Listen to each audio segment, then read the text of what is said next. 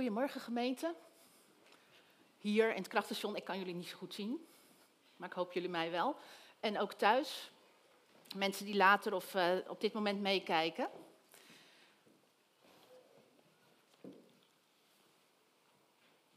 Ja, dit is mijn mooie openingsdia, die vond ik zelf heel geslaagd. Eigenlijk. De titel, wat hou ik van uw huis? Het is een uh, eerste regel van een lied wat jullie misschien wel kennen, Psalm 84, uh, eh, in de vertaling van Psalmen voor nu. En hier links zie je op de foto uh, mijn veldbedje. Vorige week uh, zondagochtend werd ik wakker op deze plek. ik was er ook gaan slapen de avond ervoor, dus dat klopte wel. het is mijn slaapzak op een veldbedje wat ik daar te leen kreeg. Het staat achter de preekstoel. Achter je ziet nog een klein stukje van doopvond. En naast mij, dat staat niet op de foto, was een uh, houten kruis met allemaal kaarsjes erop en stenen die mensen hadden achtergelaten de avond ervoor. Ik vond het een super bijzondere plek. En toen ik mijn ogen opendeed vanmorgen, zag ik dus dit rechts. Nou, heb ik, het ik heb het nog niet gezegd geloof ik, maar welk, waar was dit? Weet iemand dit? Herkent iemand dit? Utrechtenaren.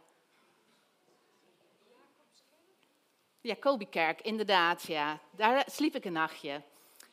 En het was echt een, een super bijzondere ervaring, alsof ik echt een pelgrim was, die even een nachtje en een, een avond en een ochtend in Gods huis mocht verblijven. En ik weet wel dat het helemaal niet in stenen en gewelven zit. En toch was het wel een heilige ervaring. Daarover straks meer. We zijn eigenlijk allemaal pelgrims, maar niet iedereen weet het nog. Wat gaan we doen vandaag? Allereerst de pelgrimsreis. Het tweede is het verlangen naar Gods huis. En als derde maken we het nu praktisch. En ik wil daarbij Psalm 84 centraal zetten. We hebben het woord van God niet voor niks gekregen, dus uh, we lezen daar ook uit. En ik wilde ook eigenlijk nu, op dit punt, zeg maar, een heel mooi, vrolijk verhaal vertellen. Maar ik werd ingehaald door de feiten gisteren. Wat ik wil vertellen is, het is afgelopen week was het Loofhuttenfeest. Wordt in Israël gevierd door de Joden, door de wereldwijd. En um, ja, dat is echt een van de vrolijkste feesten. Ik heb daar gewoon eventjes naar gekeken, filmpjes gekeken. Het is echt met muziek, met dans. Um, ja, lekker eten natuurlijk. En wat wordt er dan gevierd? Het loopt uit in de grote feestdag gisteren. De vreugde der wet. En van oudsher wordt er dan gedanst. Dat zijn wij helaas wel een beetje kwijtgeraakt in uh, Nederland. Er wordt gedanst met de Torahrollen in de hand. Om te vieren dat God gesproken heeft. Een en al vreugde. En ik zei ook in de voorbereiding van ja, we gaan er een blije dienst van maken. En tot mijn grote verrassing net werd het dus ook een blije dienst. Ondanks alles. Want gistermorgen keek ik uh, op, mijn, op mijn telefoon de liveblog. 5000 raketten. Wat? Hoe kan dit op zo'n feestdag weer, net 50 jaar geleden? Niet dat ik dat bewust heb meegemaakt, maar een soort collectieve herinnering. Altijd maar die dreiging van oorlog. En niet alleen Israël natuurlijk, maar wereldwijd. Het is steeds, maar het, het viel me nu zo op, omdat we dan toch ja, daar zo mee bezig zijn. En net op dat moment van het Loofhuttenfeest hoe kun je dan in deze tijd nog de vreugde vasthouden? Nou, wat ik erover wilde zeggen, dat hebben we eigenlijk net zelf al gezongen. We lezen Gods woord, we luisteren naar Gods stem. En we lezen ook gewoon de psalm van vandaag. Ik heb besloten om hem gewoon te lezen. Een vrolijke psalm. Een lieflijke psalm werd hij genoemd door een oude spreker, Spurgeon. De meest lieflijke psalm die er is. Het is een pelgrimspsalm die Israëlieten zongen als ze op weg waren naar Jeruzalem, naar de tempel. En ze zingen hem nog steeds, eeuwenlang. En de kerk zingt mee met Israël. De kerk van alle tijden. Wij zingen de psalmen ook, in allerlei vormen. Als we op weg gaan om feest te vieren, omdat God zijn woord heeft gegeven. Hij heeft zijn Bijbel gegeven, in die zin zijn woord gegeven, en hij spreekt nog steeds. Er staat geen streep onder. Hij is nog steeds aanwezig. Zelfs als alles duister is, God is nabij zijn mensen, zijn volk. Dus laten we lezen Psalm 84. En het is dus eigenlijk een lied en een gedicht. Dus dat zal je ook zien in de beelden die uh, geschetst worden. Voor de koorleider op de wijze van de Gatitische, van de Koragieten, een psalm. Hoe lieflijk is uw woning, Heer van de hemelse machten. Van verlangen smacht mijn ziel naar de voorhoven van de Heer. Mijn hart en mijn lijf roepen om de levende God. Zelfs de mus vindt een huis en de zwaluw een nest waarin ze haar jongen neerlegt. Bij uw altaren, Heer van de hemelse machten. Mijn koning, mijn God. Gelukkig, zalig, wie wonen in uw huis, gedurig mogen zij u loven. Gelukkig wie bij u hun toevlucht zoeken, met in hun hart de wegen naar u. Trekken zij door een dal van dorheid. Door hen, voor hen verandert het in een oase. Rijke zegen daalt als regen neer. Steeds krachtiger, van kracht tot kracht, gaan zij voort om in Sion voor God te verschijnen. Heer, God van de hemelse machten, hoor mijn gebed. Luister naar mij, God van Jacob. God, ons schild, zie naar ons om. Sla goed gunstig het oog op uw gezalfde. Beter één dag in uw voorhoven dan duizend dagen erbuiten. Liever op de drempel van Gods huis dan wonen in de tenten der goddelozen. Want God, de Heer, is een zon en een schild. Genade en glorie schenkt de Heer, zijn weldaden weigert hij niet. Aan wie oprecht en onbevangen hun weg gaan. Heer van de hemelse machten, gelukkig de mens die op u vertrouwt.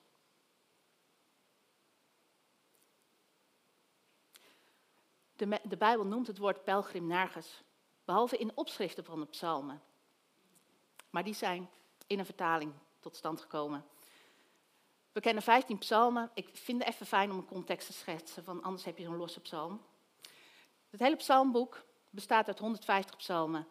Er zijn er 15 in een groepje gezet, dat is 120 tot met 134, en dat zijn de pelgrimspsalmen. Waarvan we met z'n allen denken, dit, deze worden gezongen op weg naar Jeruzalem. En dat is ook niet voor niks, want er staat boven in het Hebreeuws een lied Hama'alot. En Hama'alot betekent lied van de opgang, of van de opgang dus, dat je naar boven loopt. En de tempel ligt ook hoger en Jeruzalem ligt hoger, dus je loopt ook omhoog als je op weg gaat naar de tempel. En ook in de inhoud van de psalmen, die, die 15 psalmen, 120, 134, kun je zien dat het om een reis gaat naar Jeruzalem. Leuk weet je, volgens de Joodse overlevering worden deze psalmen gezongen op de 15 treden naar de voorhof. Eén psalm per tree. Dus het is niet altijd heel snel lopen. Toch kies ik niet uit dit groepje psalmen, maar uit psalm 84. Dat verwijst ook naar de pelgrimsreis en het wordt ook niet zo genoemd, maar wel het verlangen naar Gods huis. De wegen van God in het hart hebben. Je ziet gewoon heel erg van de dichter dat hij verlangt naar de woning van God. En daar kom ik later nog op terug, maar je, het is het schreeuwen van zijn lijf. Hij heeft de wegen naar Gods huis al in zijn hart. En je kunt je zo voorstellen dat hij thuis is en dat hij niet op weg is naar Jeruzalem op dat moment, maar dat hij weet, straks ga ik weer. Straks ga ik weer op reis naar Gods huis, naar Gods aanwezigheid. Waarom deden zij dat, de Israëlieten in de Bijbelse tijd? In Exodus 34 staat, alle mannelijke Israëlieten moeten drie maal per jaar voor de Heer verschijnen. En dat is tijdens de feesten Pesach, het Loofhuttenfeest en het Wekenfeest. En eerst gingen ze dan natuurlijk naar de tabernakel. Maar later werd dat de tempel in Jeruzalem, want daar, daar was het waar je voor de Heer verschijnt. Daar woonde God. Daar was Gods aanwezigheid. En het zou kunnen dat juist deze psalm die we lezen, dat is niet helemaal toevallig, voor het Loofhuttenfeest is geschreven. Mensen kijken altijd, geleerden kijken heel veel van, waar is deze psalm voor geschreven, in welke gelegenheid. Maar eigenlijk is het helemaal niet zo belangrijk. Je kunt het denken, want er staat iets over de vroege regens. Dus dat is in de herfst, de eerste regens van de herfst. Maar het is niet van belang, omdat de liederen zijn geschreven voor een algemenere context. Eeuwenlang. Je kunt het ook op jezelf toepassen. Dat is heel gaaf als je zo'n lied schrijft, zo'n gedicht schrijft dat zo lang meegaat. Ook Jezus ging natuurlijk op pelgrimsreis naar Jeruzalem, want dat hoorde er gewoon bij. Aan het begin van het evangelie lezen we dat hij als twaalfjarig kind met zijn ouders meeging naar Jeruzalem, naar de tempel. Misschien kennen jullie het verhaal, hij bleef achter, ze waren hem kwijt op de reis naar huis. Ja, en hij bleek dus in de tempel te, gebleven te zijn. Maar ook aan het eind van het evangelie, dus aan het eind van het leven van Jezus op aarde, gaat hij weer naar Jeruzalem met zijn discipelen. En daar gaan ze het Pesach vieren. En dat wordt ook de kruisiging die keer. Dat, daar lezen we dan over. Hij is het paaslam, eigenlijk, die Pesach, die, dat Pesachfeest. Dat was een heel andere pelgrimsreis, omdat hij dat al wist. Ik wil niet onvermeld laten dat hij ook later weer opstond, waardoor we ook echt het paasfeest mogen vieren. Het ultieme paasfeest. Dus dat de pelgrimsreis in de Bijbel. Door alle eeuwen heen zijn mensen dat blijven doen. Op weg naar de tempel in Jeruzalem. Maar er kwamen meer pelgrimsreizen. Misschien ken je Lourdes, Rome, waar mensen naartoe gingen. Um, vanwege een belofte die ze aan God hadden gedaan. Soms was het als boetedoening voor iets. Dan ga ik maar op pelgrimsreis om het goed te maken. In de middeleeuwen werd het zelfs als straf door de rechtbank opgelegd. Ga jij voor straf maar eens naar Jeruzalem lopen of naar Rome? Sinds de 9e eeuw is daar Santiago di Compostela bijgekomen. En dat ligt in Noordwest-Spanje. Het was alweer een beetje eh, naar beneden gegaan, het pelgrimsbezoek aan Santiago. En 40 jaar geleden kwam, werd het opeens weer populair. En er verschenen films en boeken. Um, en het is eigenlijk gewoon weer hip en happening, ook nu weer. Mensen die bij die vereniging in Nederland werken, die zeiden ook van, hé, er zitten opeens weer allemaal dertigers hierbij. Hoe kan dit? Twintigers. Die mensen waren dan dus 70 en hadden al verschillende keren die pelgrimsreis gedaan.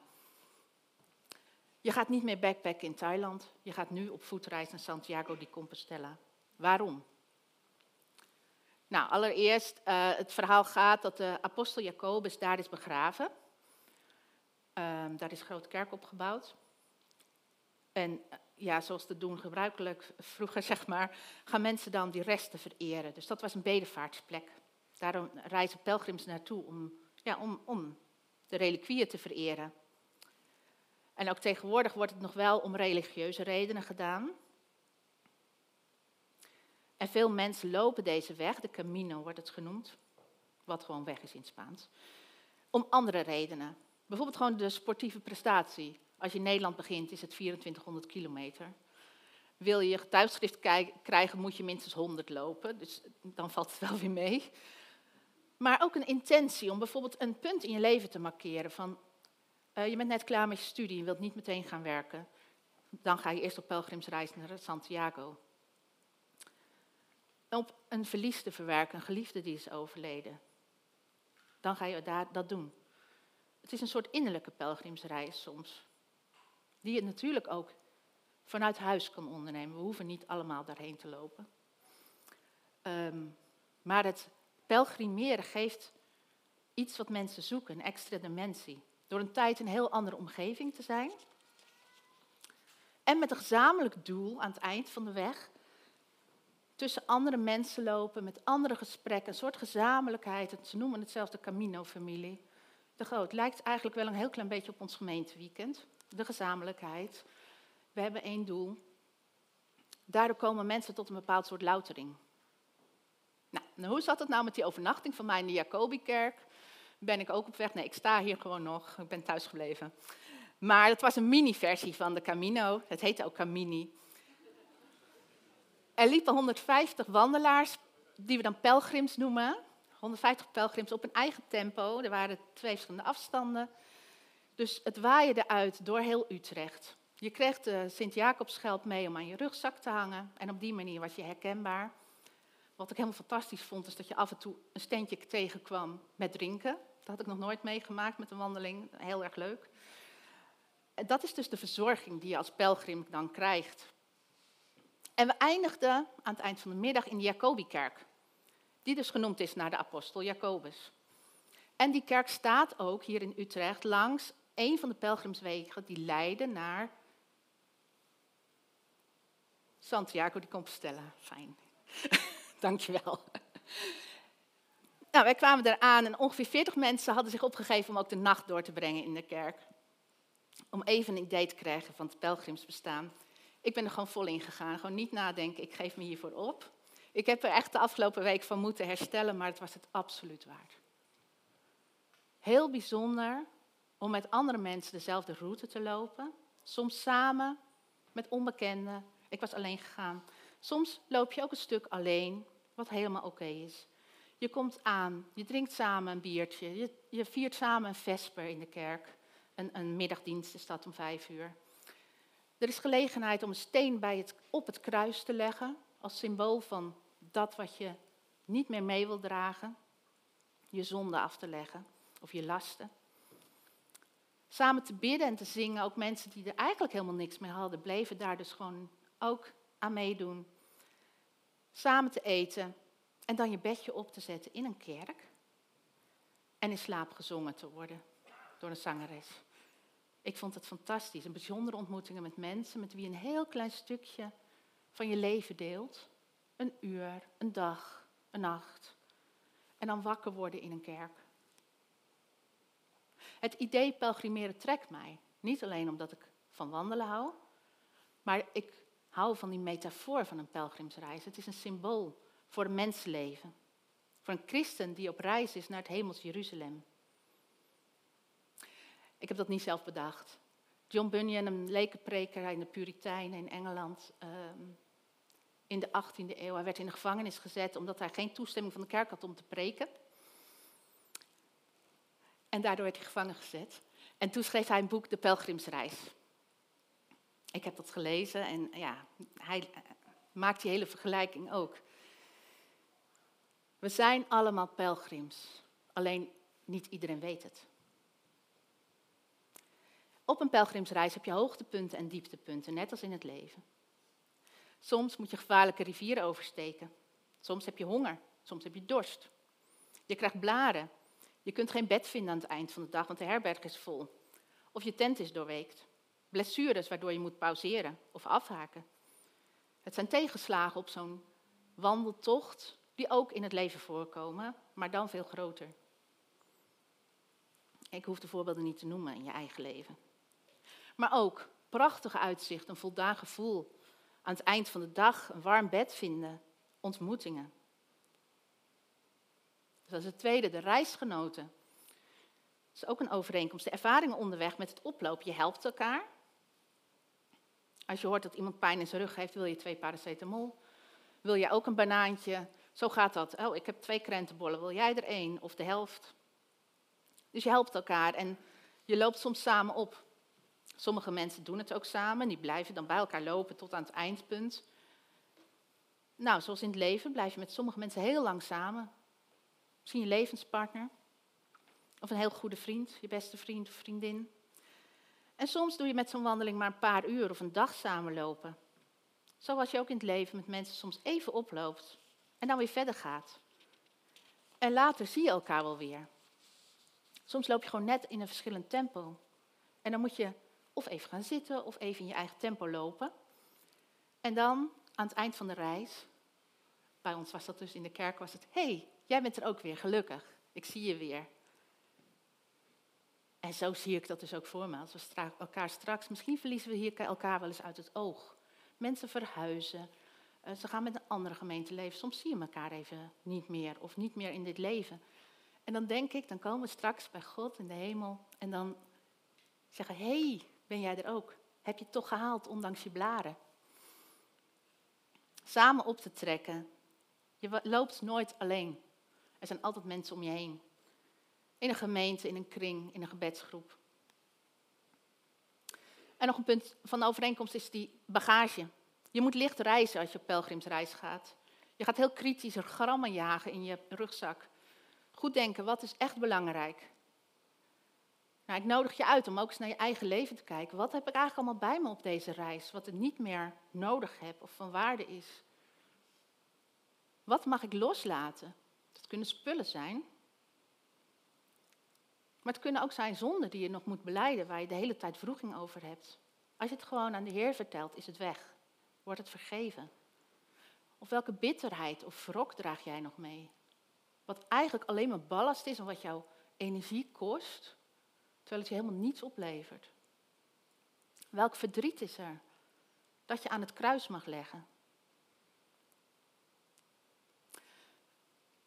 Samen zingen maakt reizen lichter. We deden het vroeger al met de avondvierdaagse. Maar ook op een pelgrimsreis zingen we samen. En die liederen gaan vaak over het doel. Nou, kijk wat wij hier in de kerk doen. Het gaat, over, het gaat gewoon allemaal over God. Het gaat over Gods huis, het gaat over Gods aanwezigheid. Het gaat over de wereld, dat we verlangen naar een wereld vol gerechtigheid. Dat God het gaat herstellen. Dat is ons doel. Het draagt je door moeilijke tijden. En het helpt je om samen te kijken van wat is ons doel? En wij gaan geen beenderen vereren in een kerk ergens in Spanje. Met alle respect. Maar dat gaan we dus niet doen. Want wij hebben een levende God. Wij hebben een levende God. En dat is ons doel, om bij Hem te zijn.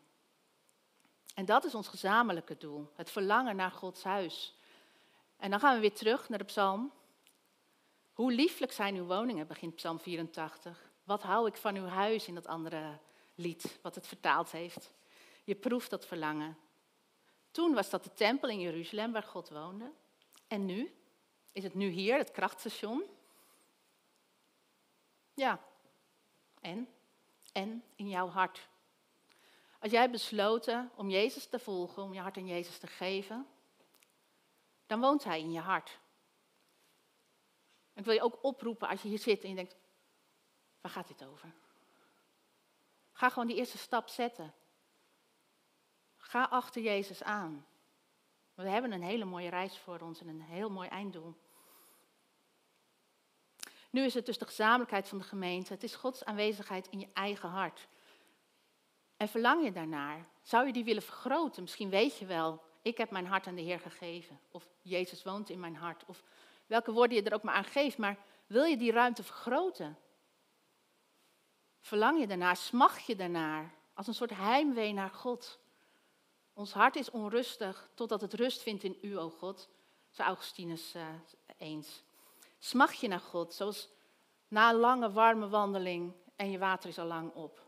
Dat er dan iemand staat met een koud flesje water. Hoe je daarnaar smachten kunt. Dus dat is in het heden.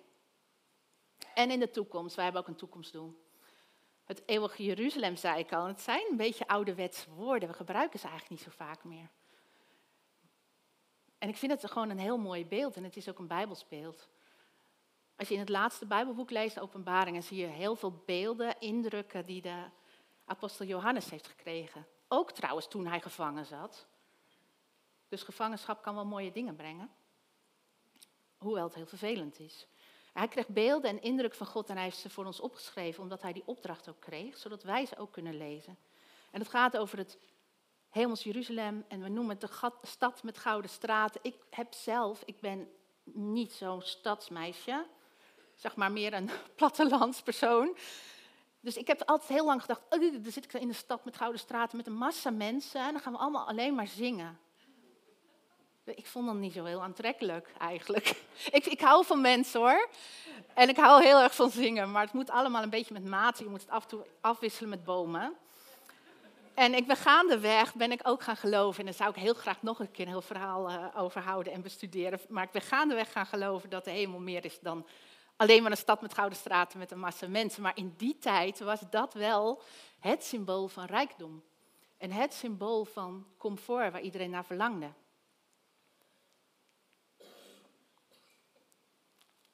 Dus dat het verlangen naar Gods huis toen, nu, aanwezigheid van God in je leven, in je hart. En vergroot die ook, verlang daar ook alsjeblieft wat meer naar als dat kan. En in de toekomst.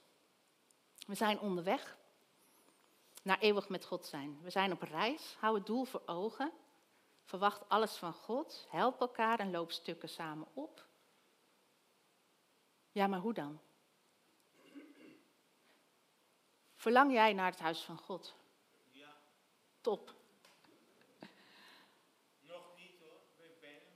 Je bent nog hier, hè? Ja. Maar het huis van God is dus ook de aanwezigheid van God in jouw leven. Verlang je daarnaar om dat te vergroten? En kijk je ook wel eens naar het eind van jouw levensreis? Natuurlijk nog niet, want we hangen aan het leven en dat is ook goed. Het is echt super fijn als je gewoon levenslustig bent en hier wilt zijn. Je hebt ook dingen te doen. Je hebt ook gewoon een opdracht van God. We mogen elkaar dienen. Je hebt ook de opdracht om je levensonderhoud te voorzien, voor zover dat mogelijk is. Je hebt de opdracht om voor andere mensen te zorgen, mensen misschien die aan jouw verantwoordelijkheid zijn toevertrouwd. Je hebt de, de, de opdracht om God te dienen en je naaste lief te hebben. En laten we dat vooral doen. Zolang we hier op aarde zijn, maar laat je niet te veel afleiden door de zaken van het heden. Een oude uitdrukking ook weer, sla je tentpinnen niet te diep. We hadden het op vakantie dat we dachten, we blijven hier toch niet zo lang. Ze hoeven niet zo vast. We gaan morgen wel weer verder of overmorgen. Het hoeft allemaal niet zo stevig. En zo is het ook eigenlijk met ons leven hier. Wees er niet te veel mee bezig met je succes, je geluk, je carrière. Het grootste en meeslepende. Het is ook de wereld waarin wij leven. En we, ja, we zijn daar niet vrij van. We leven ook gewoon in de wereld. Maar we zijn van het hemels koninkrijk. En daar zijn we naar op weg. We zijn volgens Hebreeën 11, voor degene die aantekening maken, Hebreeën 11, zegt ook, we zijn vreemdelingen en bijwoners. Dus dat zijn gasten, een beetje logiers, zeg maar. Die gaan weer weg op deze aarde. Het is een geen blijvende plek hier. Hoe ver we er ook mee bezig zijn om dat wel te creëren soms voor onszelf. En ook lijkt dat soms zo. We zijn voorbijgangers en we zijn op weg naar ons eigenlijke huis. En dat is Jezus aan het klaarmaken. Hij zegt in Johannes 14, in het huis van mijn vader zijn vele woningen. Als het anders zou zijn, zou ik het u gezegd hebben. En ik ga heen om uw plaats te bereiden. En nog even en je zult zijn waar ik ook ben. Denk daar eens aan. Jezus is daar bezig met een huis voor je klaar te maken. Daarheen ben je op weg. En als je nu verlangt naar meer verlangen, snap je? Als je nu verlangt naar meer verlangen naar Gods aanwezigheid, hoe kun je dat dan voeding geven? Ik wil even een zijweggetje. Ik, ik heb toch het gevoel, even klokje kijken, dat ik dat even moet zeggen. Voor de mensen die het ehm, niet zo ervaren, allemaal, niet zo voelen, dat je denkt, ja, maar ik voel het gewoon niet. Is het dan fout? Dat kunnen we wel eens denken, hè? en ik geloof niet dat dat van God is. Dat we Hem mogen ervaren, dat is genade, het is een extra. Ja, het is een mooie ervaring, maar daar gaat het niet om. En ik zou je willen zeggen, als je hier nou moeite mee hebt, geloof is voldoende. Wie in de zoon gelooft, heeft het eeuwig leven. Dat was mijn zijpaadje even. Maar neem hem mee, misschien is die voor iemand van belang. Denk eens na wat bij jou past als je verlangt naar het verlangen, naar meer verlangen naar Gods aanwezigheid. Voor mij past, uh, je mag even de dia doordoen. En nog eentje. Ja, dankjewel. Dit is een natuurgebiedje vlak bij ons huis. Daar moest ik op een maandag zijn, voor een klusje. Um, en ik maakte deze foto. Voor degene die dit thuis zitten mee te kijken, we, zien nu, we kijken nu naar een plaatje van een links staan bomen, in het midden loopt een paadje en rechts is water. Dat is wel een aardige, adequate beschrijving, denk ik. Ik vond dit echt gewoon heel mooi. De herfst trad in, het gebied kom ik vaker. En nu was het opeens allemaal aan het kleuren en het was zo'n smal paadje. Um, voor mij helpt de natuur heel erg. Natuur is heel helend. En ook al is dit best wel Nederlands gecultiveerde natuur, toch voel ik daar de aanwezigheid van God altijd wat meer. Wat je dan op zo'n moment kunt doen, als je dat bent, dus daar daag je ook uit om een van deze mogelijkheden te gaan kiezen de komende week. Dus bijvoorbeeld deze. Ga in de natuur lopen en ga eens kijken naar een detail. En dat is de volgende foto. Dit zag ik opeens. En dat is een, uh, ja, een braam, volgens mij, die nog niet helemaal rijp is. En daarachter zie je ook nog een heleboel maar dat is vervaagd. En soms gebeurt dat dus als je buiten bent en in de natuur bent, dat je één groot geheel ziet, maar probeer ook eens even naar die kleine details te kijken. Dat is je uitdaging voor de komende week. En verwonder je over Gods schepping en dat Hij ook dit kleine vruchtje ziet. En al die andere kleine dingen die ik dan niet gezien heb. Als tweede mogelijkheid kun je een Bijbeltekst mediteren, zodat je de Bijbeltekst in je lijf voelt. Ga eens kijken naar Psalm 84 als je thuis bent. Kijk eens wat er uitspringt, wat tot jou spreekt, welke tekst spreekt tot jou. En voel het. Draag het met je mee die dag. Probeer het te voelen in je lijf. En ook als je het dus niet voelt, draag het toch met je mee die dag. Herhaal het af en toe. Als derde, als je meer wil weten over die toekomst bij God, waar we het naar mijn smaak soms veel te weinig over hebben, ga daar eens over lezen. Ga gewoon het laatste Bijbelboek eens lezen. Openbaringen en dan het laatste hoofdstuk bijvoorbeeld. Waarin staat, nou, zoals we ook eigenlijk gezongen hebben net, dat er gewoon geen tranen meer zullen zijn, geen dood, geen rouw, geen verdriet. Maar God is daar, God is alles in alle. We kunnen het soms nu ervaren. Soms voel je gewoon echt iets van God, wat Chissy net zei, een goddelijke ontmoeting. Je voelt een vonk, je voelt de aanwezigheid van Hem. Je weet, God is in mij, God is in die anderen, wij ontmoeten elkaar. Fantastisch. En dan zal dat alleen maar zijn. Dan zal het koninkrijk helemaal baanbreken. Dus ga daar meer over lezen. En als vierde, ga samen met mensen optrekken, als medepelgrims. Ja, hier hebben we het al vaker over gehad, ook in het gemeenteweekend. Zoek mensen op, binnen de gemeente, buiten de gemeente. Mensen die ook op weg zijn met Jezus. Zodat je elkaar kunt helpen herinneren van, hé, hey, wie volgen we eigenlijk? Waar gaan we eigenlijk heen? Waar zijn we mee bezig? Ik daag je uit en ik nodig je ook uit om een van deze dingen te kiezen en daar de komende week tijd aan te besteden. Super kort samenvatting, die vier dingen. Natuur in, bijbeltekst mediteren, meer lezen over de toekomst bij God, medepelgrims zoeken. Want ik weet dat ik ze niet meer op de dia heb gezet. De reis kan soms zwaar zijn. Vergeet niet dat we een doel hebben. Vergeet niet dat Jezus de weg al heeft gebaand. Hij heeft de weg al vrijgemaakt. Wij gaan achter hem aan. En zelfs als we door een donker dal gaan, het zal voor ons tot zegen worden gemaakt. God schenkt regen. Hij schenkt een rijke zegen. Hij is bij ons. Er staan ook, tot slot wil ik dat even zeggen, drie zaligsprekingen in deze psalm.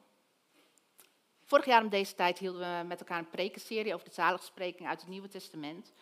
En ook hier staat het, um, een zaligspreking met een belofte. En voor wie meekijkt in zijn Bijbel, het is vers 5. Gelukkig, dus welzalig, wie wonen in uw huis. De belofte, gedurig mogen zij u loven. Vers 6, gelukkig, welzalig, dus wij prijzen hen gelukkig. Wie bij u hun toevlucht zoeken, met in hun hart wegen naar u, dus continu daarmee bezig zijn, in je hart hebben. Trekken ze door een dal van doorheid, het zal voor hun tot zegen worden. En ze gaan van kracht tot kracht voor tot ze voor de Heer zullen verschijnen. Dat is de belofte. En de psalm sluit af met gelukkig de mens die op u vertrouwt. Hou die belofte vast. Gelukkig ben je als je op God vertrouwt en als je vol verlangen op weg gaat. Struikelend misschien, maar wel achter Jezus aan. Laten we met elkaar bidden. Kunnen we misschien, voor wie het wil en kan, gaan staan?